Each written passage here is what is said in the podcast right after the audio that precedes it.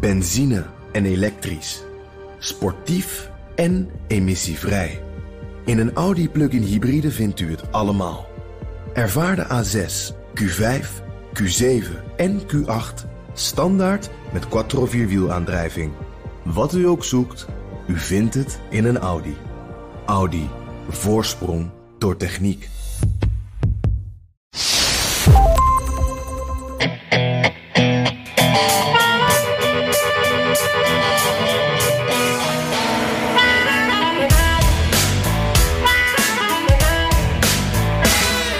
Joe Biden de macht en de kracht om zijn megaplannen voor financiële en fiscale hervormingen door het congres te krijgen? Het ziet er niet best uit. Natuurlijk komt de oppositie van de Republikeinen die zijn voorstel als socialistisch gedram afdoen. Die uitdaging kan Biden misschien nog wel aan. Republicans just have to let us do our job. Just get out of the way. If you don't want to help save the country, Get out of the way. Maar lastiger heeft hij het met dwarsliggers in zijn eigen democratische partij. Linkse en rechtse activisten die hem geen manoeuvreerruimte bieden. Biden hangt aan zijn politieke nagelriemen. Mijn naam is Bernard Hammelburg vanuit Studio Hammelburg in Amsterdam met een beker koffie met een wolkje. Ja, lekker. Uh, ik ben Jan Posma, is altijd aan mijn uh, eettafel in Washington. Bij mij is de koffie zwart, Bernard. Gewoon lekker zonder zo'n wolkje. Uh, ik zag deze week koffie met marsepeinsmaak hier bij een, een koffietheetje. daar, daar moet ik niks van hebben. Nee, heel verstandig. Een echte man drinkt zwarte koffie. Hè? Goed. dat wou ik maar gezegd hebben. ja, nou ja, in al die westerns bijvoorbeeld. Hè, en ook in alle speelfilms valt me altijd op. Als, als er wordt koffie uh, yes, black please. Altijd. Ja, dat is wel waar. ja. Dat is wel waar. Ja, ja, dat is stoer. Oké, Jan, over stoer. Heb je, iets, heb je nog iets meegemaakt in dat spannende Washington? nou ja, ik, ik, er was wel iets wat ik, even, wat ik met je wil delen. Um, ik was uh, afgelopen week uh, ben ik een paar keer even naar Washington Monument uh, gelopen. Um, het is hier nu heerlijk herfstweer, de zon schijnt en nou, we hebben niks te klagen. Dus het is even fijn om, om te wandelen. En daar staan nu 600.000, ruim 600.000 witte vlaggetjes bij dat Washington Monument. Dat is voor, als een herdenking voor alle coronadoden. Afgelopen week zijn we door de 700.000 grens gegaan zelfs. Dus een gigantisch aantal. Ik weet nog dat we aan het begin, van de pandemie dat gezegd werd van nou, het, zouden misschien wel eens 100.000, 200.000 doden kunnen zijn als we niet snel wat doen. Nou ja, dat uh, eh, 700.000 zitten we nu op. Um, en, en, en het is echt een indrukwekkend monument eigenlijk, een tijdelijk monument, want het is zo groot. echt een zee van, van die hele kleine plastic vlaggetjes. en als je bij het Washington Monument, wat wat hoger ligt, hè, dus staat, dan kijk je er zo over uit en dan zie je die mensen daartussen lopen. en mensen schrijven ook wat op die vlaggetjes persoonlijke boodschappen van, voor, moeder, dochter, oma's. Uh, ik zag er zelfs eentje uh, van, van, een dokter. Uh, die zei, die, nou, daar stond de naam uh, patiënt De Vries. ik zal u niet vergeten. dat soort dingen. Echt heel, heel persoonlijk wordt het dan ook ineens. En nou ja, als je daar dus zo loopt, en, en, dan, dan maakt het dus wel enorme indruk. En, en van een afstandje ziet het er ook een beetje uit zoals Arlington. zoals die begraafplaats. want het is allemaal wit. Het is echt zo'n heel groot vlak. En, uh, en het is ook wel raar, Bernard, want, want, daar... Nou, ik vond het heel indrukwekkend. Je ziet het dan heel direct, de grootte van die pandemie en de gevolgen daarvan. Maar ondertussen, ja, er blijven mensen overlijden. Maar in het dagelijks leven, ja, we hebben de mondkapjes, hebben het vaak over gehad. Maar je merkt het verder niet echt, hè. Ook op televisie, in het nieuws. Ja, het is een gegeven, corona. Ja, het, dat is, zo is het precies. In, in, dat is ook. Dus eventjes nog een vraag. Zijn die, ja. want je, hebt, je zegt Arlington, zijn die vlaggetjes inderdaad ook in van die prachtige rechte rijen opgesteld? Zoals op ja, Arlington? Ja. Ja, precies. Dus het zijn echt van die grote blokken. Daardoor doet het me ook aan denken dat daar glooit het ook hè, op Arlington. En, en, en hier glooit het dus ook een beetje. En dan zie je dus ja, die hele strakke lijnen. Ja, ja. Nou, het is ook wel heel veel. In Nederland is het natuurlijk al veel geringer. Daar daar is het misschien percentueel ook allemaal ietsje minder erg. Maar ik meen, maar ik ben even voorzichtig, maar ik meen dat er in Nederland iets van 27.000, ietsje meer dan 27.000 mensen zijn overleden. Ehm, dat is ook wel veel. En als je daar vlaggetjes voor zou neerzetten, is het ook een groot veld. Maar het is toch allemaal gelukkig ietsje minder overweldigend. Um, En, en in Nederland is eigenlijk, ja, er zijn, er zijn demonstraties tegen de maatregelen. En er wordt nu gecontroleerd, hè, daar hebben we het al eerder over gehad, als je ergens naar binnen wil. nou, heel veel mensen zijn daar boos over, die vinden dat dat niet hoort. En er worden processen over gevoerd. Maar het gewone dagelijks leven heeft eigenlijk zijn gang wel weer gevonden. Precies, Jan, wat jij en ik hebben voorspeld helemaal toen het begon. Weet je wel, toen we over files aan het praten waren. Nou, als het voorbij is, dan zijn die files in één keer weer terug. Ja hoor, in Nederland zijn ze weer precies zo of niet erger dan daarvoor. Uh, mensen zitten ook uh, vaak weer gewoon op kantoor. Ietsje minder dan daarvoor misschien. En de bureaus staan iets verder uit elkaar. Maar, maar dat begint allemaal zijn leven te hernemen. Mondkapjes zie je niet veel meer. Uh, ja, ehm, de, de, de houding ook van de Nederlander die wel degelijk er rekening mee houdt en nog steeds voorzichtig is, is ik ben er wel een beetje klaar mee. Ja, uh, ja en het, Zal allemaal nog wel, het, het zal allemaal nog wel even duren, maar jongens, we moeten ook door. En um, we moeten aanvaarden dat we misschien in onze omgeving nog wel nare dingen gaan meemaken. Maar je kan niet blijven stilstaan. Hè? Dus dat, dat heeft het nu duidelijk gewonnen van de toch wat verkrampte toestand van al die maatregelen. Dus ik denk ook dat als er, als, er, als er een nieuwe golf komt, en ja, die komt er natuurlijk gegarandeerd wel weer een keertje, dat dan niet meteen de maatregelen zo, uh, ja, zo drastisch worden als in het verleden. Dus dat draconische. Dat, dat, wordt is, echt moeilijk om dat weer eh, de mensen op te leggen. En het is ook politiek niet meer te verkopen. Hè? Dat draconische tijdperk in, in de corona is volgens mij voorbij. Ja, ik denk dat je daar een heel goed punt hebt. Want ik zie het hier uh, ook niet meer uh, gebeuren. Maar goed, um, we gaan er zeker nog uh, meer over praten. Want dat komt inderdaad nog wel weer een keertje terug. Um, voor nu moeten we toch even onze ogen, uh, zoals iedereen eigenlijk, uh, gaan richten op die titanenstrijd in het congres over de financiële hervormingsplannen van Biden. Uh, Nancy Pelosi, leider van de Democraten in het Huis van Afgevaardigden, die had een deadline gesteld. Dat was afgelopen vrijdag. Maar nou ja, ik heb gespannen naar de televisie gekeken. Je hebt het ook in de gaten gehouden. al vrij snel op, ja, op vrij snel op de dag hadden we wel door dat daar niet zoveel meer ging gebeuren. Hè? Nee. Nee, en nee, uh, dus, is, dus uh, hij, hij, hij, hij, ging en die kwam. Hij kwam. Ja, ging. precies. Dat precies. Ja, ja. Dus die deadline, die, die, uh, wat was dat ook weer? I love the swooshing sound of a deadline passing by. Nou, dat was het een beetje. Uh, en en ja, er werd een nieuwe deadline gesteld. 31 oktober, dat is Halloween. Dus dat is misschien wel toepasselijk. en om even daarin te blijven. Ik zie nog heel wat spoken op de weg om ook die datum te halen. sterker nog, Bernd, ik denk, ja, er was eventjes hele grote druk vorige week. Echt immens druk. Iedereen was ermee bezig. Het ging alleen maar hierover. Maar nu is die deadline dus even weg. Uh, de volgende deadline is dus pas einde van de maand. En uh, nou vraag ik me eigenlijk wel af, ook, ook ja, gezien hoe weinig ze tot elkaar zijn gekomen, of het dit jaar nog wel gaat lukken. Wat denk jij? Ik denk eerlijk gezegd van niet. Maar zullen we eerst proberen om, om dat hele ingewikkelde verhaal een beetje uit elkaar te plukken? Want je praat over een, een begroting die is ingediend door Biden en die was 3500 miljard dollar groot. Uh, jij en ik riepen het al in vorige podcast, maar dat is zoveel. En daar zit zoveel in, dat gaat hem vast niet lukken. Maar waar staan we nu? Uit wat voor onderdeeltjes bestaat het? En hoe lopen die onderhandelingen nou zo ongeveer? Ja, ja om met, met dat laatste te beginnen, die zitten nog steeds vast. Er wordt aan alle kanten gesproken met elkaar, maar we horen niks van uh, vooruitgang in die gesprekken. Er wordt wel van alles geprobeerd. Uh, maar die, ja, die progressieve democraten die zeggen nog steeds, wij willen alleen uh, voor die grote uh, infrastructuurbil stemmen van 3500 miljard dollar.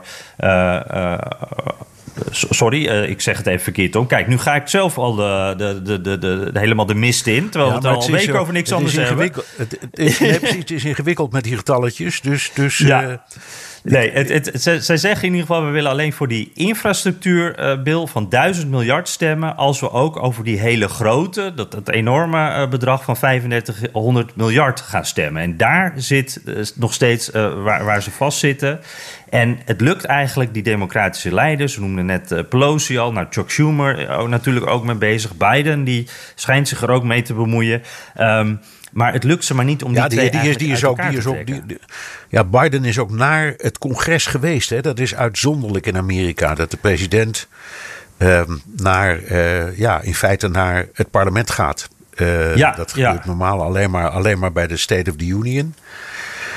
Maar dat was ja, interessant moment was dat, hè? mee te lobbyen. Ja, ja en, en dan, dan is ook dat is het moment dat Joe, Biden ook even zou kunnen schitteren. Want hij zegt altijd van ik ben een kind van, van de Senaat. Uh, ik weet hoe het er werkt. Ik ken iedereen, iedereen kent mij.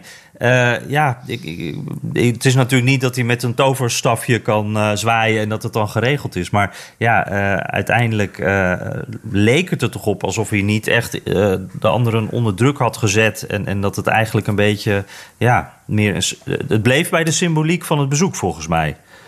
Ja, ja, oké. Dus we zitten bij uh, uh, duizend miljard, waarvan de Democraten.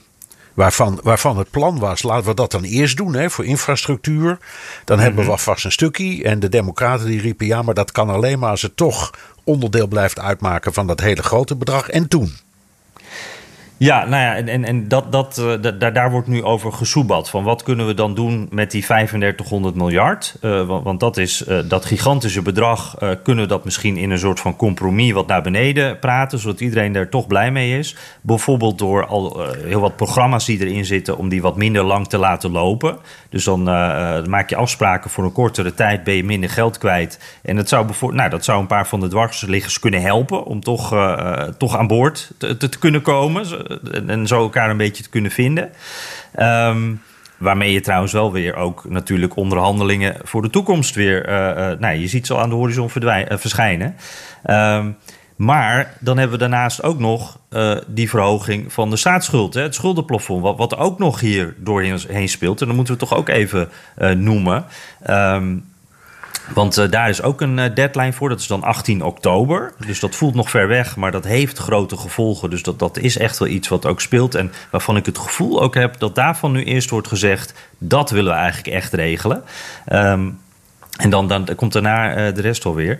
Uh, maar goed, ja. uh, de Republikeinen zeggen erover... jullie kunnen dit ook wel zonder ons regelen. Dat verhogen van, die sta, van het schuldenplafond, dat moet om de zoveel tijd. nou ja, dat kunnen jullie best via... Ja, dat is een paar weken geleden. Het is een paar weken geleden nog gebeurd. Dus dit is maar een hele korte termijn. Ja, precies. En, uh, ja. ja. maar die democraten die zeggen eigenlijk van onder, onder Trump hebben we, uh, hebben, hebben, hebben we met z'n allen, jullie vooral republikeinen, besloten heel veel geld uit te geven. Uh, nu zitten wij hier en moeten wij weer lenen eigenlijk om dat beleid te betalen. En nu willen jullie niet mee, meedoen. dit is ook jullie verantwoordelijkheid. Dus dat willen we niet. En daar zit het dan ook weer vast. Ja, nou, nou, nou, nou. Jan, ja, dus er blijft wel een weg, hè? Ja, ja, dit is echt een. Uh, oh goed. Maar goed, het is altijd heel moeilijk. Ook onder. Nou, daar moeten we wel even eerlijk over zijn. Ook als er niet zulke grote spanningen zijn. Uh, in, het begrotings, uh, zeg, in de begrotingsperiode. dan zijn er toch altijd enorme moeilijkheden om dat uit te onderhandelen in een twee-partijen systeem. Dat is nu eenmaal zo. en in die zin verschilt het eigenlijk niet van andere landen. Ook in Nederland leiden de begrotingsonderhandelingen altijd tot enorme spanningen. Dus, dus we moeten het ook even in perspectief houden. Maar toch, even voor de duidelijkheid, Jan. Er zijn twee huizen. Het Huis van Afgevaardigden, waar hebben de Democraten een, een meerderheid, weliswaar flinterdun, maar toch. Dus daar moet het toch lukken. Ja, maar, maar ook daar gaat het niet van harte. Uh, ik noemde al uh, de, de, de, linkerflank, uh, die, die, die het maximale eruit wil halen. De, Progressive Caucus, met, met onder, weer, onder meer Ilan Omar hè, van de Squad, dat groepje progressieve jonge democraten. Um, die willen uh, bijvoorbeeld uh, gratis standaards, een oogarts voor, voor, voor bejaarden daar een regeling voor, gratis kinderdagverblijven voor lage inkomens, uh, voortgezet onderwijs, die, al die sociale maatregelen, nou, die, die willen zij 100% doorvoeren die in dat grote plan staan. En die zien dit eigenlijk als de grote kans, een kans die ze niet mogen missen voor, voor grote veranderingen, om echt het systeem helemaal te veranderen. En voor hun is dus echt een, een compromis niet genoeg en, en, en ja, daar loopt het dus ook steeds vast. Oké, maar goed, Biden zegt: ik heb daar wel een oplossing voor. Namelijk een belastingverhoging voor de rijksten. Dat zijn uh, inkomens van boven 4 ton en boven 4,5 ton voor uh, paren. Dus voor mensen die een partner hebben. Wat ik overigens ook wel apart vind hoor. Want het uitgangspunt is dan dat de een dus vier ton verdient en de andere een halve ton. Er zit ook iets, uh, iets raar, iets, iets, ja, iets discriminerends in. Maar oké. Maar goed, dat zijn er in Amerika best veel mensen die dat soort salarissen verdienen. Dus dan zou die toch een deel daarvan moeten bekostigen. Dus uiteindelijk moet je dat, als dat zou worden aanvaard, op een, bij wijze van spreken, op nul uitkomen als je het optelt en aftrekt. Ja, ja, er is een manier om het te betalen. Maar ja, dan komen, uh, zoals wel vaker, het betalen een groter probleem is dan het uitgeven. Uh, dan komen we bij het echte probleem, de Senaat. En uh, nou ja, daar hebben de Democraten formeel een meerderheid van één stem. Hè. Als het 50 tegen 50 is, dan, dan kan Kamala Harris als vicepresident, als voorzitter van de Senaat, kan ze meestemmen, heeft zij de beslissende stem. Maar ja, feitelijk is het 50-50. En we weten al, die 50 republikeinen die hebben hier geen zin in, die zijn tegen. Uh, maar uh, dan, dan moet je dus gaan kijken, zijn die democraten allemaal wel? Staan die allemaal op, uh, met, met de neus dezelfde kant op? En daar zijn dus twee democraten, Joe Manchin uit West Virginia en Kirsten Sinema uit Arizona. En die, ja, die liggen dwars, die hebben hier geen zin in. En, en, en ja, daar wordt dus heel veel met gesproken en over gesproken. Ja, daar moeten we het even over hebben, over die twee. Um, ik las in The Guardian een prachtige analyse. Uh, die, die, die citeren Trump. Die noemde tegenstanders in zijn eigen partij. Die noemde die rhinos. Republicans ja. in name only. Wat ik een prachtige, ja, woord, typische, ja, prachtige Trumpiaanse woordspeling. En uh, Mansion en Cinema zou je dan dino's kunnen noemen. Hè? Democrats mm. in, na in, name only. um, ik, ik begrijp de positie van. Hele mooie, ja. Ik begrijp de positie ja, ja. van Cinema wel een beetje. Want die veroverde de zetel uh, van een hele invloedrijke republikein, Jess Flake, in het zeer overgevoelige Arizona. Uh, echt eigen, eigenlijk een republikeinse staat die nou toevallig, zullen we mhm. maar zeggen, in handen van de democraten is gevallen. Hetzelfde geldt misschien een beetje voor uh, Munchin uit West Virginia, maar dat vind ik veel lastiger te begrijpen, want die man is 74, zit 40 jaar in de politiek. Uh, uit West Virginia, ja, conservatieve staat, maar toch, die zou toch wat meer moeten kunnen en durven. En, nou fijn, ik begrijp het niet precies. Hoe verklaar jij hun positie? Ja, ja nou, nou, nou, laten we even beginnen met uh, de, de, koningin van de twee. Er wordt hier over, de koning en de koningin gesproken, omdat zij dit, dit, paar de boel dus ja, zo, zo, zo, tegenhoudt en daardoor zoveel invloed heeft op dit moment. Dus dit zijn de twee belangrijkste senatoren ja, van alle honderd op dit moment om even met cinema te beginnen. Uh, die is van Friese afkomst. De, dat dachten we al een beetje naar die naam te horen. Hè? Als het eindigt op Ma, dan weet je ja. al waar ze vandaan komen. Uh, en dat is ja. een hele eigenzinnige vrouw. En voor, ik, voordat, ik, hoor je al, uh, ik hoor jou al denken. Ik zeg niet dat dit altijd samen gaat. Maar zij is echt dus een, een soort eigenzinnige vrouw. Die eigenlijk ja, gewoon altijd haar eigen zin doet. En, en precies weet wat ze wil. En in dit geval dus, ja, het grapje is al wat vaker gemaakt. Zij is een soort blokkeer Fries. En, um, ja, ja, ja, ja. Zij... Nou, ik weet wie het zegt. Ja, ja precies. Ja. Nee, maar uit, het, het, uit, uit, Friese mond, uit Friese mond, lieve luisteraar, klinkt dit. Ga je gang, Jan. Ja. ja. Ik dacht, ik blijf gewoon doorpraten. Dan kom je er niet tussen. Maar je, moest, je zei het toch even. Ja, nee, ze komt uit, ja. uh, uit. Dus uh, vlakbij uh, Berlikum. Maar dat is wel al heel lang geleden natuurlijk... dat haar familie daar wegtrok. Maar toch wel mooi dat iemand in Arizona dan Cinema heet. maar goed, zij, zij, heeft echt... Het is wel een hele interessante vrouw, vind ik. Want als je kijkt naar haar, haar leven... haar levensverloop... Ze heeft een hele moeilijke jeugd gehad... met gescheiden ouders. Een stiefvader die failliet ging. ze heeft echt wel armoede gekend. Ze heeft jarenlang in, in een voormalig tankstation gewoond zonder uh, gas en, en water. Uh, als dat, dat, nog niet genoeg was, ook streng religieuze mormonen. en op haar zestiende uh, had ze haar high school diploma al en op haar achttiende haar bachelor. Uh, en, daarna meteen een master in sociaal werk, hoogleraar in rechten. Dus echt wel een, een uh, ja, zichzelf uit dat milieu getrokken. ze is ook nog een tijdje, heeft ze een radio talkshow gehad.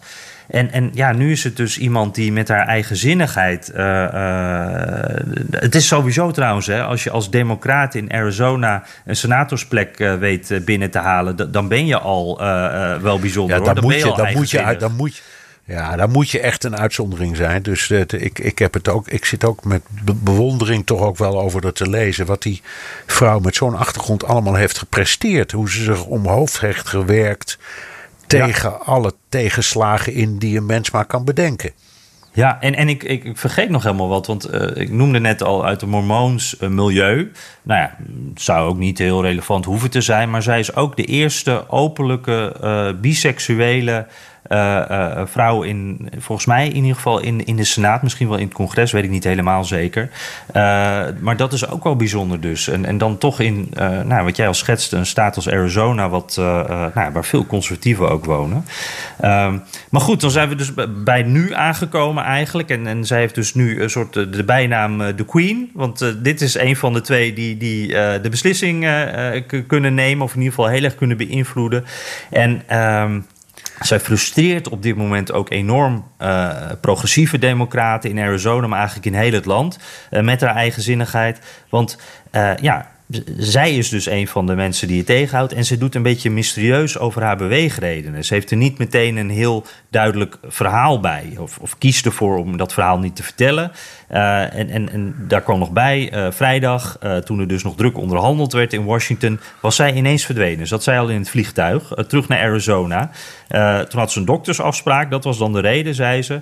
maar daarna had ze ook een fundraiser, dus ging ze geld binnenhalen in haar thuisstaat.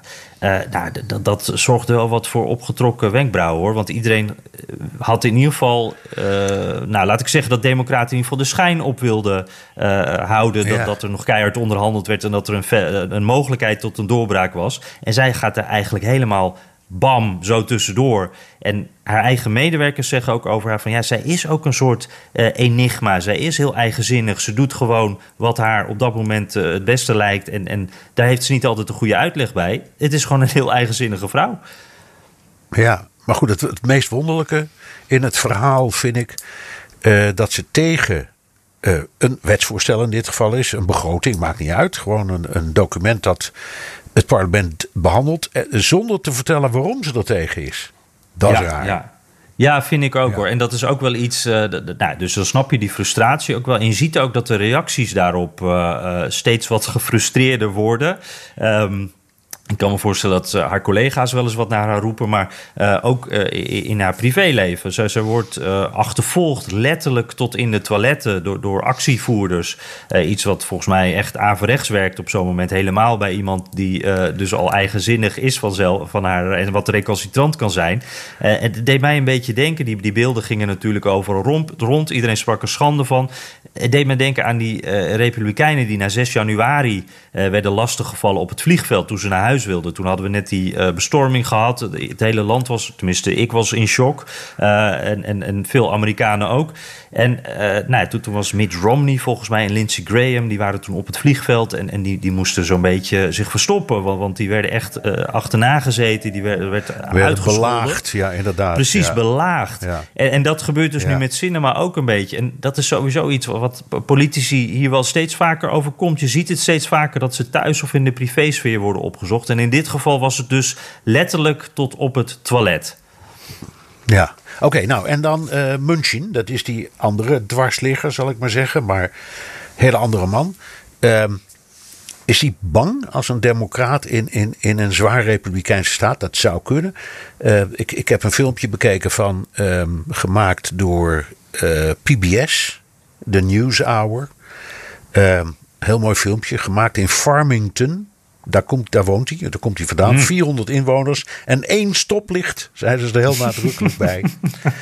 Eh, en de bevolking bestaat uit, voornamelijk uit immigranten, heel veel uit Centraal-Europa en Oost-Europa.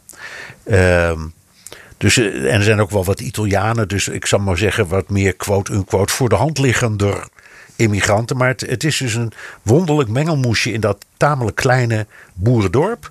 Eh, maar ja, goed, die man zit 40 jaar in de politiek. Uh, heeft enorme steun al die jaren gehad van de mijnwerkers. Want West Virginia is een van de belangrijkste uh, uh, kolenmijnstaten. Hij werd gouverneur, was een hele gevierde gouverneur. Uh, had bijna de hele staat achter zich toen hij won. Maar toen hij senator werd, toen heeft hij het maar op het nippertje gered. Uh, Jan, wat gaat er om in het hoofd van deze man? Wat wil hij?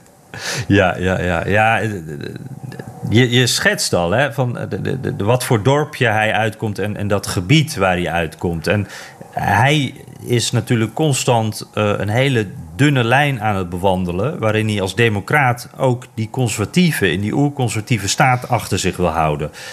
Dus. Uh, geen te grote overheid. Uh, hè, die, die, die, die, maatregelen waar we het over hebben gehad, het grote plan. Ja, dat, uh, dat is socialisme. Daar hebben we ook niet zoveel zin in. maar ook bijvoorbeeld niet te veel aan groene energie doen. Want hij heeft natuurlijk, je noemt het al, de, de, mijnwerkers waar hij aan moet denken. Uh, daar zit trouwens ook denk ik wel een, een, een beetje zo'n culture war-achtig aspect aan. Want als je kijkt naar West, Virginia, dat, dat kool dat is natuurlijk, wordt op alle kanten wordt het ingehaald door gas en andere alternatieven. Ook, ook, automatisering in die mijnen, dat kost heel veel banen da daar. heeft al heel veel banen gekost. Dus er zijn steeds minder mijnwerkers. dat neemt echt al jaren terug. Um, dus er is ook wel een. Uh, ik weet niet, ik, ik, denk dat het wel te eendimensionaal is om te denken dat hij alleen maar aan die mijnwerkers denkt. Want uh, er zijn nog veel meer andere uh, aspecten die belangrijk zijn in West Virginia. Maar het gevoel, in ieder geval in die staat, is wel. daar moeten we niet zoveel van hebben. laten we maar lekker ouderwets met die kolen aan de slag. dat levert ons banen op. en, en daar zit hij ook zelf heel sterk in. Want hij heeft zelf ook altijd geïnvesteerd in die mijnen. En ik geloof dat hij aan dividend een half miljoen dollar per jaar in ieder geval krijgt uit een bedrijf uh, van hem, wat, wat uh, direct gelieerd is aan die mijnbouw. Dus hij zit echt enorm uh, aan die, die, die mijnen gekoppeld Zo. eigenlijk. Jan, geeft hij die neveninkomsten netjes op? nou, dat, dat is wel interessant. Want dit, dit was dus iets uh, wat, wat uh, een paar weken geleden onthuld is. Van hé, hey, wacht eens eventjes. Deze man die, die kan misschien wel het klimaat, uh, de, het grote klimaatplan van Biden, wat ook in die 3500 miljard zit, dat kan hij misschien wel straks de nek omdraaien, bijna in zijn eentje. Ja. en wacht eventjes, dit is een soort, nou, The Guardian schreef een moderne kolenbaron. dit is wat, nou, dit is in ieder geval wat een journalist heeft bovengehaald. En ik weet wist het hiervoor niet. Misschien dat anderen het wel wisten hoor. Maar ik, ik wist niet dat hij uh, uh, deze inkomsten had. En, en zijn familie zit ook in het bedrijf. Het is een bedrijf dat door hem zelf is opgericht. Dus uh, ja, die link is er wel heel duidelijk.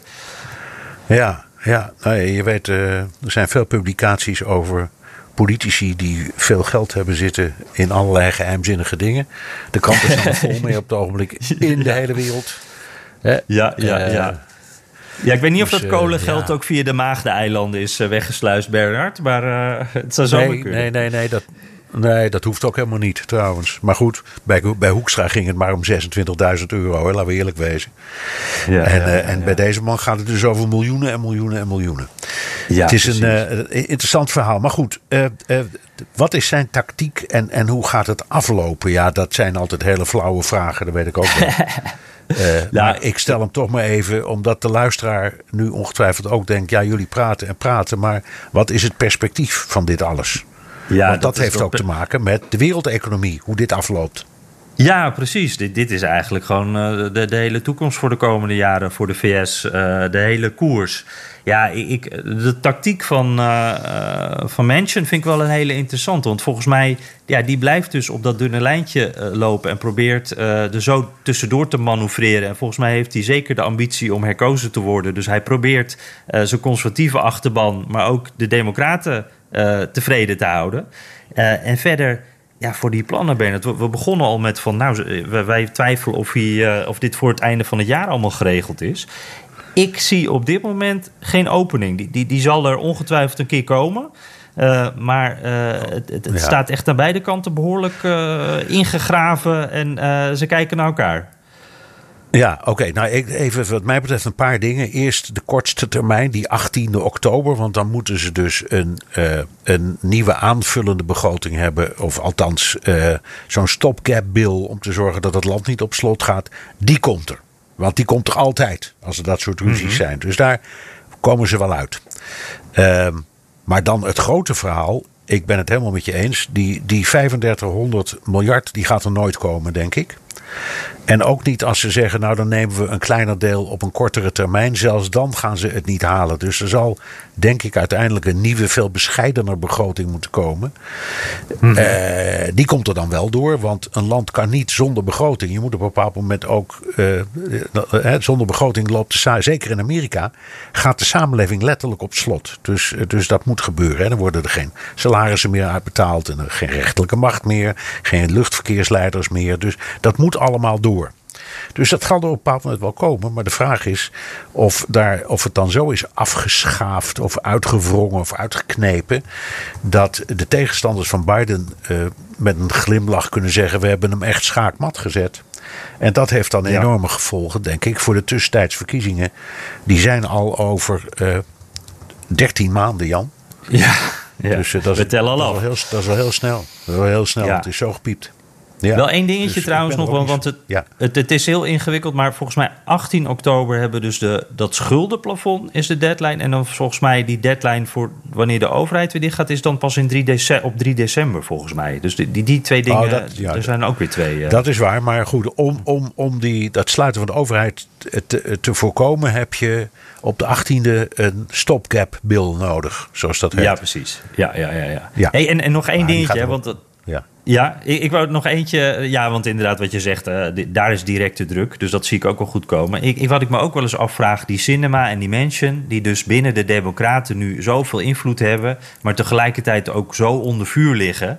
Eh, wat denk je? Zie je een van die twee nog wel eens eh, overstappen naar de Republikeinen? Of, of, of eh, ja, is die kans niet zo groot? Nou, het zou kunnen. Eh, het is in het verleden vaker gebeurd. Je had eh, in Pennsylvania een, een, een eh, senator die heette Arlen Specter. Jarenlang zeer prominent democraat die ook voortdurend om dit soort principiële kwesties van opvatting verschilde met de democratische top. En die is uiteindelijk republikein geworden. Dus het gebeurt. Eh, het is veel vaker gebeurd in de loop van de geschiedenis. Het zou dus kunnen.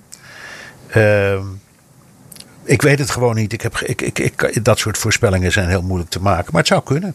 Eh, Ja, het is in ieder geval iets waar ze bij de Democraten rekening Ja. mee moeten houden. We ze moeten die twee ook binnenboord houden. Ja. Jan, nog even één ding dat, eh, dat Ja. ook weer heel veel aandacht heeft. Eh, het Hoge Rechtshof, dat, dat, dat, heeft, dat, dat doet aan seizoensarbeid, zou ik maar zeggen. Altijd Ja. in, in, in, sept- in september of oktober dan begint het eh, nieuwe seizoen. Nou, het is een soort universitair jaar. Hè? En dan, dan, dan hoor je altijd welke zaken er allemaal op de rol zijn gezet. Dus eh, wat ze wel en niet nemen. En daar zijn vaak hele gewone dingen bij die het nieuws helemaal niet halen, maar wel heel belangrijk zijn. Maar er zijn ook altijd een paar hele spannende, grote onderwerpen. Ehm, en we kijken nu naar misschien wel het meest conservatieve hof ooit. Eh, en, en dat gaat zijn tanden zetten in hele grote, principiële kwesties. Ja, ja, het gaat echt om, om een blockbuster, eh, zeggen ze al eh, hier. Eh, en en nou, natuurlijk hebben we het ook al eerder over gehad, die abortuszaak die gaat spelen. Dat is natuurlijk naar aanleiding van die nieuwe wet in Texas, waar zoveel over te doen was. Die hele strenge abortuswet. En nou ja, goed, we hebben al eerder uitgelegd, feitelijk bestaat er geen landelijke wet. Alleen een uitspraak van het Hof. Eh, uit 1973, Roe versus Wade.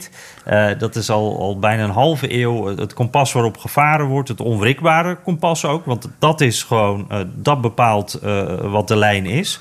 Eh, maar ja, jij zegt al inderdaad, het conservatieve Hoge Rechtshof.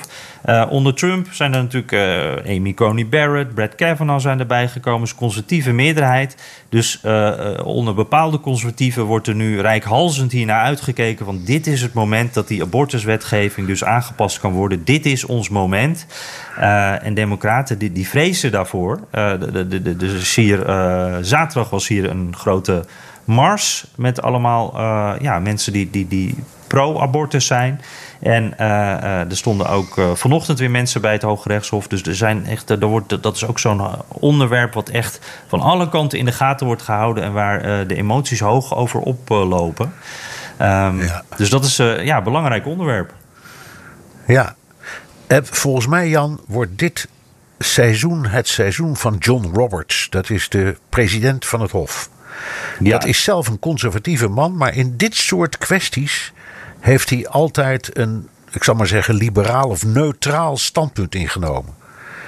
Dus bijvoorbeeld in, in kwesties als eh, we de Amerikanen noemen dan, hebben het dan niet voor of anti-abortus, maar die hebben het, die noemen dat dan voor de keuze, voor de vrije keuze, pro-choice, of voor leven, pro-life. Dat betekent dat je uh, een vrucht niet mag vermoorden. Hè? Dat zijn de standpunten.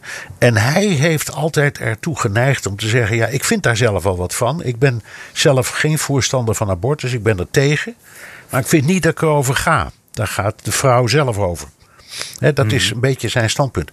En de vraag is hoe groot zijn invloed nu wordt uiteindelijk als president om, te, om, om de, de wijfelaars, twijfelaars te overtuigen dat ze deze stap niet moeten nemen. Dus het, er is, staat meer op het spel dan alleen maar die uitspraak. Het is ook wat is John Roberts waard? Daar hebben we nooit zoveel aandacht aan besteed. Maar in maar recentelijk heeft hij, hè, was er ook een, een, een, een uitspraak. Uh, ik meen ook over abortus, een tussenvonnis. Waarbij hij eigenlijk de slag heeft verloren. Mm -hmm. en, en, en daar kijk ik nu naar. Hoe groot is de overtuiging? Het is een beetje zoals Biden met de Senaat. Zo zie ik Roberts met dat Hof. Met al die briljante juristen, want dat zijn het. Hoe groot is zijn overtuigingskracht om te zeggen: jongens, het mag allemaal best een toefje conservatiever, daar ben ik niks op tegen, maar in dit soort dingen moeten we uitkijken. Ik denk dat dat is de grote test waar we naar kijken. Ja, interessant. En kan je, kan je dat uitleggen? Want de, de, de verhoudingen zijn verschoven. Het is allemaal veel conservatiever geworden. Er is een, een conservatieve meerderheid in, in die Supreme Court. En hij als opperrechter was in het verleden wel eens de man die dus daar een beetje zo tussendoor schipperde. En daardoor toch veel invloed ook had. Maar dat is nu dus een beetje weggevallen, die, die mogelijkheid? Ja, ja want het is nu, je kunt zeggen, er zijn negen eh, leden van het eh, Hof, waarvan er nu nog maar drie progressief zijn en zes conservatief. Daar kun je Roberts ook bij meerekenen, want die hoort duidelijk bij de conservatieve vleugel. Hmm. Maar in, eh, voorheen was de verhouding conservatief-progressief steeds 5-4. En dan gaf Roberts wel eens een zetje in de richting van de liberalen, zal ik maar zeggen. En nogmaals, niet omdat hij dat nou steunt, maar omdat hij uh, het recht zo interpreteert en de, de, de grondwet zo interpreteert dat de bemoeienis met het privéleven minimaal moet blijven. Hm. Um, en, en de vraag is of hij die visie uh, nou ja, stevig genoeg kan verdedigen in de spijkerharde debatten die er in dat hof nu komen. Want reken maar dat dit hard tegen hard gaat. Ja, en ik weet je wat ik een, een bijzonder moment vond. Uh, vorige maand, toen had uh, Amy Coney Barrett, die we net al noemden, door Trump aangesteld. Een van die conservatieve rechters die uh, erbij is gekomen in de plek van Ruth Bader Ginsburg. Waar we het ook vaak over hebben gehad, dat, dat progressieve icoon. En die, die sprak op een evenement in Kentucky. En toen zei ze: uh, Mijn doel vandaag is om jullie te overtuigen dat, dat dit uh, Hooggerechtshof uh, niet politiek beladen is. Dat, dat, dat, ik niet, dat wij hier niet zitten vanwege onze politieke kleur. Wij willen gewoon ons werk doen. En dat is natuurlijk iets wat je veel hoort. ook omdat die verschuiving er is gebeurd. Van, nou, nu wordt het veel conservatiever. Het, het, is onder Trump veel meer een politiek instrument geworden. nou ja, hoopgevend dat zij dan zegt van dat is niet zo en ik ga je uitleggen waarom. Maar dat zei ze dus in Kentucky. En jij weet al, de hoofdstaat of de, de staat van uh, Kentucky, dat is de thuisstaat van Mitch McConnell. Uh, dat evenement was het in het McConnell Center. Uh, mede mogelijk gemaakt door Mitch McConnell. En zij werd aangekondigd door Mitch McConnell, de Republikein die dus haar positie mogelijk maakte. En toen dacht ik van, ach man, dit wordt nog wat. De, de, de, de rechters die dus al bij Mitch McConnell eigenlijk op schoot zitten bij die evenementen. En dan moeten alle ruzies nog beginnen het komende jaar. Ja, dat is waar. Uh, en McConnell is een, in, in juridisch opzicht behoorlijk conservatief. Maar ook hij heeft altijd de grens begrepen van wat je wel en niet kunt doen juridisch. Dus ik, ik denk dat dit helemaal niet zo'n slecht verhaal is hoor. En dat zij zegt: ik ga in zo'n aardsconservatieve staat uh, eigenlijk in het epicentrum van de, van de conservatieve beweging even uitleggen dat ik ben benoemd om de grondwet toe te passen. En niet om uh, een politiek standpunt te verdedigen. Dat is op zichzelf best een aardige boodschap. Dus mm-hmm. ik, ik zie best alle nadelen en de gevaren. En ik ben het ook met jou eens dat het heeft ook wel ja, iets verdachts bijna om het op deze manier te doen. Maar laten we nou toch een heel klein beetje, ja, maar het beste ervan hopen. En het wordt, in geval wordt het een, een ongelooflijk spannend jaar. En we gaan dat Hoge Rechtshof echt op de voet volgen. Ook in de podcast. Zeker. Ja, ja er zijn nog een paar dingetjes paar, paar kleinigheden. De wapenwet, die komt ook weer ter sprake. De doodstraf komt weer ter sprake. Uh, maar goed, dat zijn, dat zijn dingen die meer voorspelbaar zijn. Ik denk dat die abortus het spannendst is. Jij ook? Ja, ja dat denk ik ook. Absoluut. absoluut. Oké, Jan. Jan. Uh, zullen we naar de luisteraars vragen? Ja, ja, laten we dat eens even doen. Ik pak ze er even bij. Uh, weer een flinke stapel, uh, dus dank daarvoor allemaal. Uh, we beginnen met Lodewijk Hof. Die vraagt naar het nieuwe super PAC van Trump. Dat heet Make America Great Again Again. ik kreeg. Met een uitroepteken? Ja, met uit, dat klopt, ja. Die, die moet je even noemen. ik kreeg uh, vorige week het eerste mailtje. Je hebt hem misschien ook wel gehad. Uh, en dan uh, inderdaad met dat uitroepteken. Die, die naam die werd ook vijf keer genoemd in dat mailtje. En het is dus MAGA geworden. nou, en zo'n superpack, hè, dat is een, een, soort vehikel... Dat, dat officieel losstaat van de kandidaat. En, en daarmee kan zo'n kandidaat dan via veel lossere regels... eigenlijk veel geld binnenharken. Trump had er al een. Maar nu is er dus plotseling een, een, een nieuwe. En, en, daar zat wel een raar gek verhaal aan vast, Bernard. Ja, ja, ja, omdat die oude, die, dat was eigenlijk hetzelfde, maar met een, met een iets andere naam. Die stond onder leiding van zijn vorige campagnemanager uit de vorige campagne. Hoe heet hij ook weer, uh, Jan? Corey Lewandowski. Nou, Lewandowski, precies. Um, en uh, die uh, is inmiddels beschuldigd van. Um, um, misdragingen, zal ik maar zeggen. Hè? Een soort, soort seksuele uh, intimidatie was het, geloof ik. Seksuele intimidatie. En daar, wil, daar wilden ze dus van af. Uh, dat ging niet zo simpel. Dus toen hebben ze maar besloten om het om te draaien. Zeggen, nou ja, dan, dan we, we ontslaan hem niet uit die pek. We, we, we, we zetten gewoon een nieuwe PAC op. En zo'n PAC is overigens een Political Action Committee. Uh, dus ze hebben een nieuwe opgezet. En nu is de vraag of het geld dat in die oude zat. En het gaat over een vermogen. Ja. Of dat nou zonder al te veel problemen naar die nieuwe over kan. Daar gaat nu eventjes het gevecht over. Maar er wordt ontzettend veel gelachen en gespot. En, en grappen over gemaakt. Dat je dus. Uh, uh, het noemt Make America Great again, again, uitroepteken. En iedereen maakt ook grappen over dat uitroepteken, alsof dat nodig is. Maar goed, ja, in elk geval. Uh, het, uh, het even aan Lodewijk. Het is dus niet een, een nieuw pack. Dus het is een, een, een, een truc om, om ja, een, een, een andere op te richten om de problemen weg te schuiven. Ja, dit is eigenlijk een beetje in de stijl van, van uh, de Trump-campagne met veel uh, gedoe en geruzie. En uh, nou ja, op dat ja. punt wel heel herkenbaar. En in, trouwens, in 2016 was die Lewandowski, die, die was ook wel eens in de problemen gekomen. Hè? Toen had hij een verslaggever geslagen. En dat was de vorige rel Oh, mag dat dus niet dan? Punt, nee, mag blijkbaar niet? niet? Blijkbaar niet. Dus ik zou er mag ook niks in. Er mag ook niks in. Er mag ook niks in Amerika. Nee, precies. Soms slaan ze nog terug ook. ja, Goed. Ja. Adser Verwij, uh, hoi mannen van de States, zegt hij. Uh, luisteraar van het eerste uur.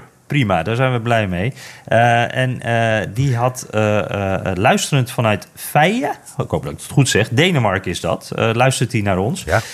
en hij zegt, ik liep vandaag tegen een podcast aan uit het kanaal 99% in, Invisible. En dan aflevering 459. Nou, dat is flink.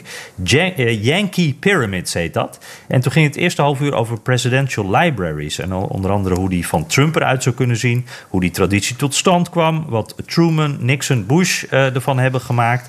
En hij zegt, uh, ja, die, die zelfverheerlijking en het framen van de geschiedenis door een president deed me echt verbazen. Nu ben ik benieuwd of jullie wel eens naar een presidential library zijn geweest. En wat viel jullie toen op? Nou, jij eerst? Uh, ja, is goed. Ik, uh, ik ben in ieder geval naar die. Uh, ik moet eventjes op een rijtje. Ik ben naar een paar geweest. En ik vind ze allemaal zijn ze echt heel erg leuk. En ik wil ze het liefst eigenlijk allemaal bezoeken. Want het is gewoon heel interessant. Ook om wat, wat je hier noemt, Adser. Um, die framing die erin zit.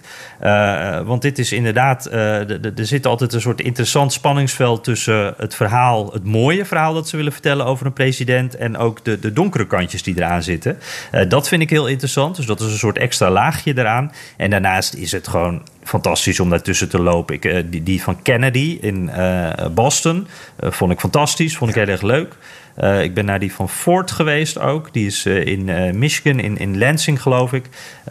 vond ik ook heel erg leuk. Da daar vond ik bijvoorbeeld heel grappig. Daar werd enorm benadrukt wat voor ongelofelijke atleet die man is geweest. Dus ik, volgens ja, mij is dat vooral iets wat hij... Voor dat beroep, ja. was een beroepssporter, ja. American football. En, en dat vond hij zelf ook heel belangrijk. Dus dat is iets wat er ja. heel nadrukkelijk in zat. En, nou, en, en ik vergeet er nog een paar. Maar jij bent er vast ook wel naar een paar geweest. Oh, jawel. Jawel, zeker wel. Nixon. Uh, ah, daar moet ik nog één, die lijkt me heel erg leuk. Ja, en, en, en, en, en een geweldige, we kunnen ze niet allemaal opnoemen, maar ik noem er nog één, Reagan. Ja. Uh, trouwens ook John, Johnson, dat is ook fantastisch. Maar Daar ben ik Reagan ook geweest, is, in Austin. die is ook mooi, Johnson. Ja, in Austin, precies. Uh, maar die, die van Reagan is fantastisch. Uh, want daar staat de oude Air Force One. En je weet, ik heb een zwak voor vliegtuigen. Hmm. Dus de voorganger van de huidige Air Force One, dat was nog een oude Boeing 707. En daar kun je in, Jan. Ja. Geweldig. Ja. Dus uh, jij staat op de foto met de Air Force One van Reagan. Nee, want dit was nog, volgens mij was dit nog voor het, uh, voordat nou. we het allemaal op ons, op ons mobieltje hadden. Ja, nee, ja, ja, ja, Geen foto, dat is goed. Nee, nou, ik kan het ik helemaal niet bewijzen. Nee. zie een locatie-uitzending aankomen, Bernard. Doen we lekker ja. in Californië. Dat, uh, nee, dus uh, we, nou, je hoort het al. We zijn allebei groot fans uh, van die musea. En ik ben ook heel benieuwd naar die van Trump. En ook Obama trouwens. Daar zijn ze volgens mij deze week mee begonnen. Hè, met de eerste... Ja, daar zijn ze mee begonnen. Ja. Ja, ja, dus dat houden we in de gaten. Ja. Bob ten Kate. En dat is een mailtje in het Engels. Um, hij zegt, although my understanding of spoken Dutch is quite good, I feel more comfortable uh, writing in my native English. En hij werkt voor een Amerikaans uh, luchtvaartmaatschappij. Uh, um, en hij, hij, vertelt eigenlijk even zijn ervaringen hoe dat is, want daar hadden we het eerder over gehad. Hè, van hoe is dat nou voor Amerikanen en Amerikaanse Nederlanders om in de VS te werken? Wat voor arbeidsvoorwaarden heb je dan bijvoorbeeld? En ja, hij zegt ja, van, ja, hoeveel vakantiedagen en dat soort dingen, daar hadden we het over. Ja, ja precies. precies, precies. Omdat dat nogal een verschil met Nederland Nederland is. En hij zegt van, nou ja, volgens mij zijn die voorwaarden voor mij een stuk beter dan die van de gemiddelde Amerikaan. Uh, my company provides 12 days of sick leave per year. I seldom need to use it, so after 20 years I have uh, saved enough so that I could be sick for more than six months with full pay. En dat vind ik ook wel een mooie, Bernard. Want dat is ook wel het systeem. Ja, maar, als je niet ziek wordt, kan ja, het heel maar, fijn zijn. Nee, dan, dan, dan precies, dan word je beloond. Maar de andere kant is, 12 sick days per jaar. De gemiddelde Amerikaan heeft er overigens vijf. Maar 12 hm. is dus uh, meer. Uh, maar dat betekent dat als je echt ziek wordt. Laten we zeggen, je krijgt uh, corona, hè, dat is toch heel veel mensen overkomen. En je bent langer dan 12 dagen ziek in een jaar, dan mogen ze je niet ontslaan, maar je krijgt geen salaris meer. Dus hij kan zeggen, ja, ik ben gelukkig nooit ziek geweest. Dus ik heb genoeg opgespaard om een half jaar volledig betaald uh, met vakantie te kunnen. Uh, en uh, dat is prachtig, maar ik vind uh, eerlijk gezegd het toch een, een, een, een systeem met, nou ja, ik heb er moeite mee. Ja, precies. Nee, maar ik vind het juist ook wat Bob nu uitlegt. Dat vind ik dan wel weer heel interessant. Want we hadden het vorige keer al over gehad van eh, hoe moeilijk dat kan zijn. En dat je dan na een operatie de volgende dag toch weer op je werk zit, omdat je nou eenmaal moet. Maar ja, de, de andere kant ja. is dus inderdaad, als je nooit ziek bent, dan kan het echt wel, wel goed uitpakken. Want hij zegt ook, uh, een gedeelte van dat bedrag, dat kan ik ook uitbetaald krijgen als ik straks uh, met pensioen ga. Uh, dus dat, ja. uh, of misschien is je al met pensioen, dat weet ik niet. Maar uh, dat, dat zijn van die dingen. En dan kan ik me voorstellen, als je altijd gezond bent, dat je zegt van ja, ik ben blij dat ik niet mee hoef te betalen aan dat soort dingen. En dat ik gewoon het op deze manier kan regelen. Maar ja, als je wel eens ziek bent, dan zijn de gevolgen meteen ook heel groot. Ja, ja. Uh, nou. Even kijken. Nou, uh, dus een hele uh, leuk inkijkje even, Bob. hartelijk dank daarvoor. Ja. keep up the good work, zegt hij. Nou, hetzelfde, Bob. Uh, en YouTube Bob. Ja, ja YouTube Bob. Arjen van Orloos, uh, die doet het in het Nederlands. Uh, en die heeft een verhaal. Ja, dit, dat het gaat over corona, onder andere. Dat komt er bij langs. en hij heeft het over wat voor problemen dat allemaal oplevert. maar uiteindelijk komt hij dan toch bij ook de vraag. hij heeft een rijtje met vragen. Laten we de eerste gewoon maar even uitpakken. Is Amerika onbestuurbaar door het twee-partijen-stelsel?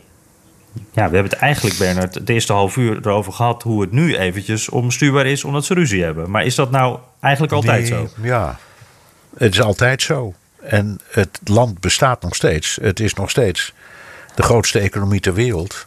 En het is ook nog steeds militair het machtigste land ter wereld. Dus, en mensen kunnen gewoon uh, zeggen wat ze willen. En ze hebben voor het grootste deel ook banen en gezinnen. Dus klaarblijkelijk kan het. Laat ik het zo zeggen. Mhm. Ik vind het niet handig wat de Amerikanen doen. Maar laten we eerlijk wezen, dat, dat het systeem wat wij hebben met uh, het coalitiesysteem, je ziet dat aan die eindeloze formatie en al die ruzies en al die kleine partijtjes, heeft ook zijn nadeel. Ik weet niet of er een, een echt ideaal systeem te bedenken is. Nee, precies. Want ik, ik heb het daar inderdaad wel eens, jij vast ook wel eens, dan praat je er met de Amerikanen over en die zeggen van, hoe doen jullie dat dan? En dan, uh, uh, dan leg, probeer je uit te leggen hoeveel partijen wij hebben en hoe lang er al geformeerd wordt en, en dat dat ook niet altijd goed gaat. En dan zie je ze ook kijken van, hè, wat een belachelijk systeem hebben jullie. Uh, maar ja, aan de andere kant is hun systeem dus weer zo duidelijk met twee partijen, dat het ook, ook weer compleet vast kan lopen. Ja. Dus ja, ja, het, het, Blijft, het blijft. Democratie is niet perfect, laten we het zo zeggen. Maar ik nee, dat precies. de Amerikanen en de Britten en de Duitsers, dat zien we weer in de Duitse verkiezingen, die zijn een beetje aan het glijden. Hè, van toch veel duidelijker een, een, een een systeem met weinig partijen naar meer partijen. Dus ja, dat kan ook gebeuren. Het heeft allemaal zijn voor- en zijn nadelen. Ja, zeker. En hij vraagt er nog: kun je aangeven of en wanneer je antwoordt in de podcast? Bij deze. Dat uh, doen we niet. Nee, nee, dat kunnen we helaas niet. Nee, dat doen we niet. we kunnen niet over de uitslag corresponderen. Nee. Hey, uh, Hanneke de Boer, uh, die zegt: Ik heb geen Apple, maar hierbij wel per mail nog vijf vette sterren. Mooi. Ja, ze heeft een kleine correctie op jullie Terranos opmerking. Dat ging over dat, die rechtszaak die gaande is. we hebben blijkbaar. Oh, tegen Elizabeth Holmes is dat, hè? Ja, precies. Tegen Elizabeth ja, we hebben gezegd dat ze al achter de tralies zit. Dat zit ze niet. Integendeel, ze zit met haar rijke man en baby in een villa van tientallen miljoenen. Dus de, de rechtszaak is nog gaande, Zo. natuurlijk. Goed punt. Uh, ja, en ze heeft nog een paar uh, podcasttips erbij. Met name als je dit soort business schandalen, zoals met die Elizabeth Holmes, interessant vindt. American Scandal, Business Wars en specifiek over waar we het net over hadden, The Dropout. dus nou, tips van Hanneke. Dank, Hanneke. Thomas de Heij. ja. ja. Gaan we luisteren. Uh, Thomas de Heij die zegt: uh, Ik luister elke week.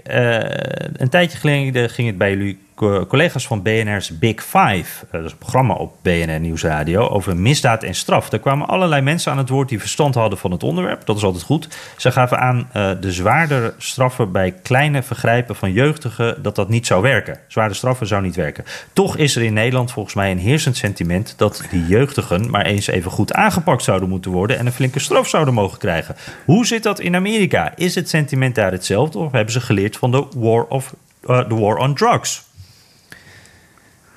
Poeh, dat is een moeilijke vraag. Het is inderdaad zo dat in Nederland is het echt een punt van uh, debat, voortdurend. je hebt taakstraffen. Nou, een heleboel mensen zijn er zwaar op tegen. Die zeggen dat zijn geen echte straffen. Als je met rechters praat, dan zeggen ze ja, maar het is vaak veel effectiever dan iemand gewoon maar opsluiten. Uh, wat doe je met de jeugd? Uh, uh, zijn wij, en dat hoor je ook, omdat we zo mild zijn met onze straffen, daardoor misschien toch een narco-staat geworden? Want dat is mhm. Nederland toch wel een beetje. Hè? Mhm. Eh, allemaal hele belangrijke dingen. En, en die, eh, die, uh, die vraag of lang straffen en hard straffen meer effect heeft. Ehm, in Amerika is dat duidelijk de overheersende opvatting. Gewoon in het algemeen. je moet zwaar straffen en hard straffen. en dat geldt niet alleen voor de war on drugs, maar het geldt eigenlijk voor elke vorm van misdaad. En je hebt daar ook die, die, die straffen die je kunt stapelen. Hè. Je kunt veertien keer de doodstraf krijgen en van dat soort dingen.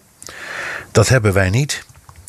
Amerika heeft de volste gevangenissen ter wereld, bij mij weten. Althans in de democratische wereld.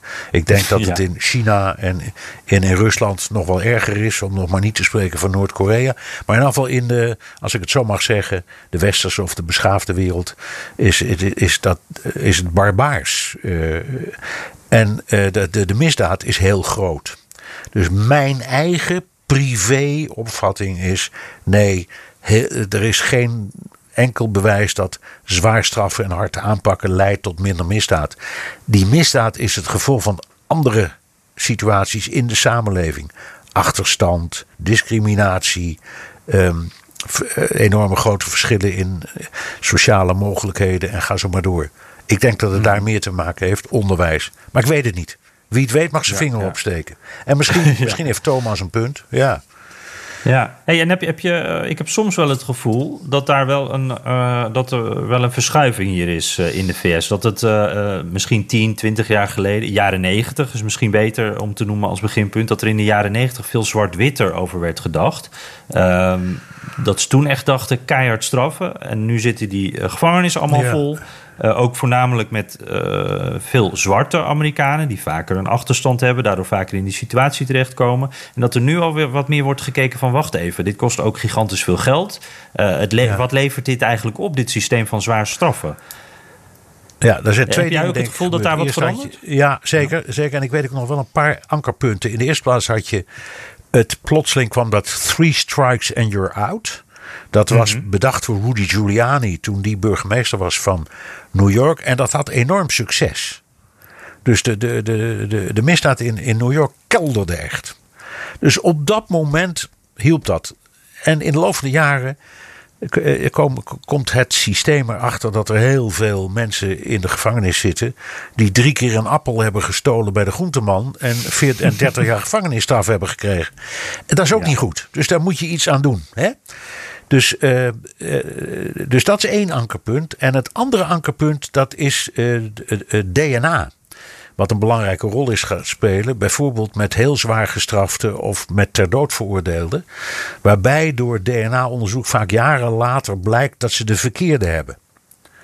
En dat heeft heel veel mensen ook in juridische kringen aan het denken gezet. Hoe zeker zijn we ervan dat deze verdachte echt schuldig is? Dus dat zijn twee dingen die het denken over het, het strafrecht een beetje hebben beïnvloed. Ja. Nou, interessant. Hey, zullen we er nog eentje doen? Ja, Eh, laten we er nog eentje doen. Tom Tettero, die eh, mailt vanuit Uilenstede. Dat hij zegt eh, vlakbij studio Hammelburg. Eh, en hij heeft de volgende vraag. Denken jullie, kijkend naar de recente aanvallen van Elon Musk van Tesla op Joe Biden... dat de, het huidige beleid van Biden ook echt zo schadelijk is voor Silicon Valley... dat zij in de toekomst de strijd met China gaan verliezen? Of denken jullie dat de strijd van de Chinese regering met haar techgiganten... dit voorlopig nog wel tegengaat? Lijkt me een duivels dilemma om aan de ene kant innovatie te stimuleren in de belangrijke tech-industrie door weinig financiële restricties. En aan de andere kant de excessen van rijkdom en macht van de tech-giganten in toom te houden. Wat dat betreft is er wel een kleine parallel te zien tussen de Amerikaanse en de Chinese situatie. Ja, dat is waar. Maar ik vind het wel een hele moeilijke, omdat ehm, eh, China natuurlijk zo'n ander systeem is. met zijn centralistische, communistische regering. Je ziet dat de Chinese regering steeds meer ingrijpt. in de omvang en de macht van die techbedrijven. Dus ze mogen best. Maar als, die, als hun sterren, Ma en dat soort mensen. te veel schitteren, dan grijpen ze in. Ehm, dat kan in een eh, vrij en kapitalistisch systeem in het Westen, kan dat eenvoudig niet. Eh, en daar zit volgens mij het, het, het grootste verschil. Ik denk hun doelstelling is hetzelfde hoor, van die techbedrijven. En ja, is Musk nou, ehm, heeft hij nou gelijk dat het schadelijk is voor Silicon Valley? Of vindt Musk dat eh, Biden hem te veel in de wielen rijdt met het verdienen van nog meer geld? Ik kan niet helemaal beoordelen. nee, precies. hij heeft natuurlijk hele nee. duidelijke belangen, die Elon Musk. Ja, ja. Wat, ik wel, wat, ik, wat ik wel weet is dat allebei deze grote landen hebben echt heel veel genieën in die techwereld. En ik kijk altijd met zorg naar Europa, want in heel Europa bestaat niet één Ma en niet één Musk. Dat is ook opmerkelijk. Of, of een Jeff Die Bezos of een, eh, noem ze allemaal maar. Nee, inderdaad. Die, hebben we Ja. allemaal niet. Nee. Leuk om te horen van Tom Tettero, want wij kennen elkaar eh, via zijn vader. Die een, eh, een, een, hele trouwe makker en een goede vriend is. Dus ik vind het leuk dat hij schrijft. Dank je, Tom. Ah, kijk. ja, dank voor deze vraag. En uh, nou, laten we daarmee afronden dan. Heb je nog recensies, Jan? Uh, oh ja, recensies. IJsbeet. Vijf sterren. Goeie naam ook trouwens. Fijne podcast staat erboven. Heldere inzichten in een boeiend land. Ga zo door. Hansie C, ook uh, vijf sterren. Luistergenot. Kijkt elke week uit naar de nieuwe aflevering. Uh, actueel, informatief, soms een beetje prikkelend. Uh, nou, ik hoop dat we prikkelend zijn geweest ook deze keer. En hij zegt van, er verandert wel wat in Amerika. het verliest aan glans en macht. En heeft een moeite een nieuwe positie te in te nemen. toch blijft het land fascinerend qua natuur, mentaliteit, innovatie en mogelijkheden. Mede door jullie podcast blijft de VS boeien. Mooi. Ja, mooi commentaar trouwens. Zit heel veel in. Oké, terugluisteren kan via de BNR-site, Apple Podcast of Spotify. Heb je vragen, opmerkingen, kritiek of complimenten? Dan kan het ook met een tweet naar Jan Posma USA of BNR De Wereld of heel ouderwets met een mailtje naar dewereld.bnr.nl. Ja, en uh, laat ons ook even weten hoe je naar ons luistert en waar. En ook dank aan alle mensen die weer een recensie hebben achtergelaten. Of dat nou met tekst was of alleen de sterren. We zijn er heel blij mee, want dan zijn wij beter te vinden in uh, Apple Podcasts. En dat helpt ons weer. Dus dank daarvoor. En dank voor het luisteren. Tot volgende week.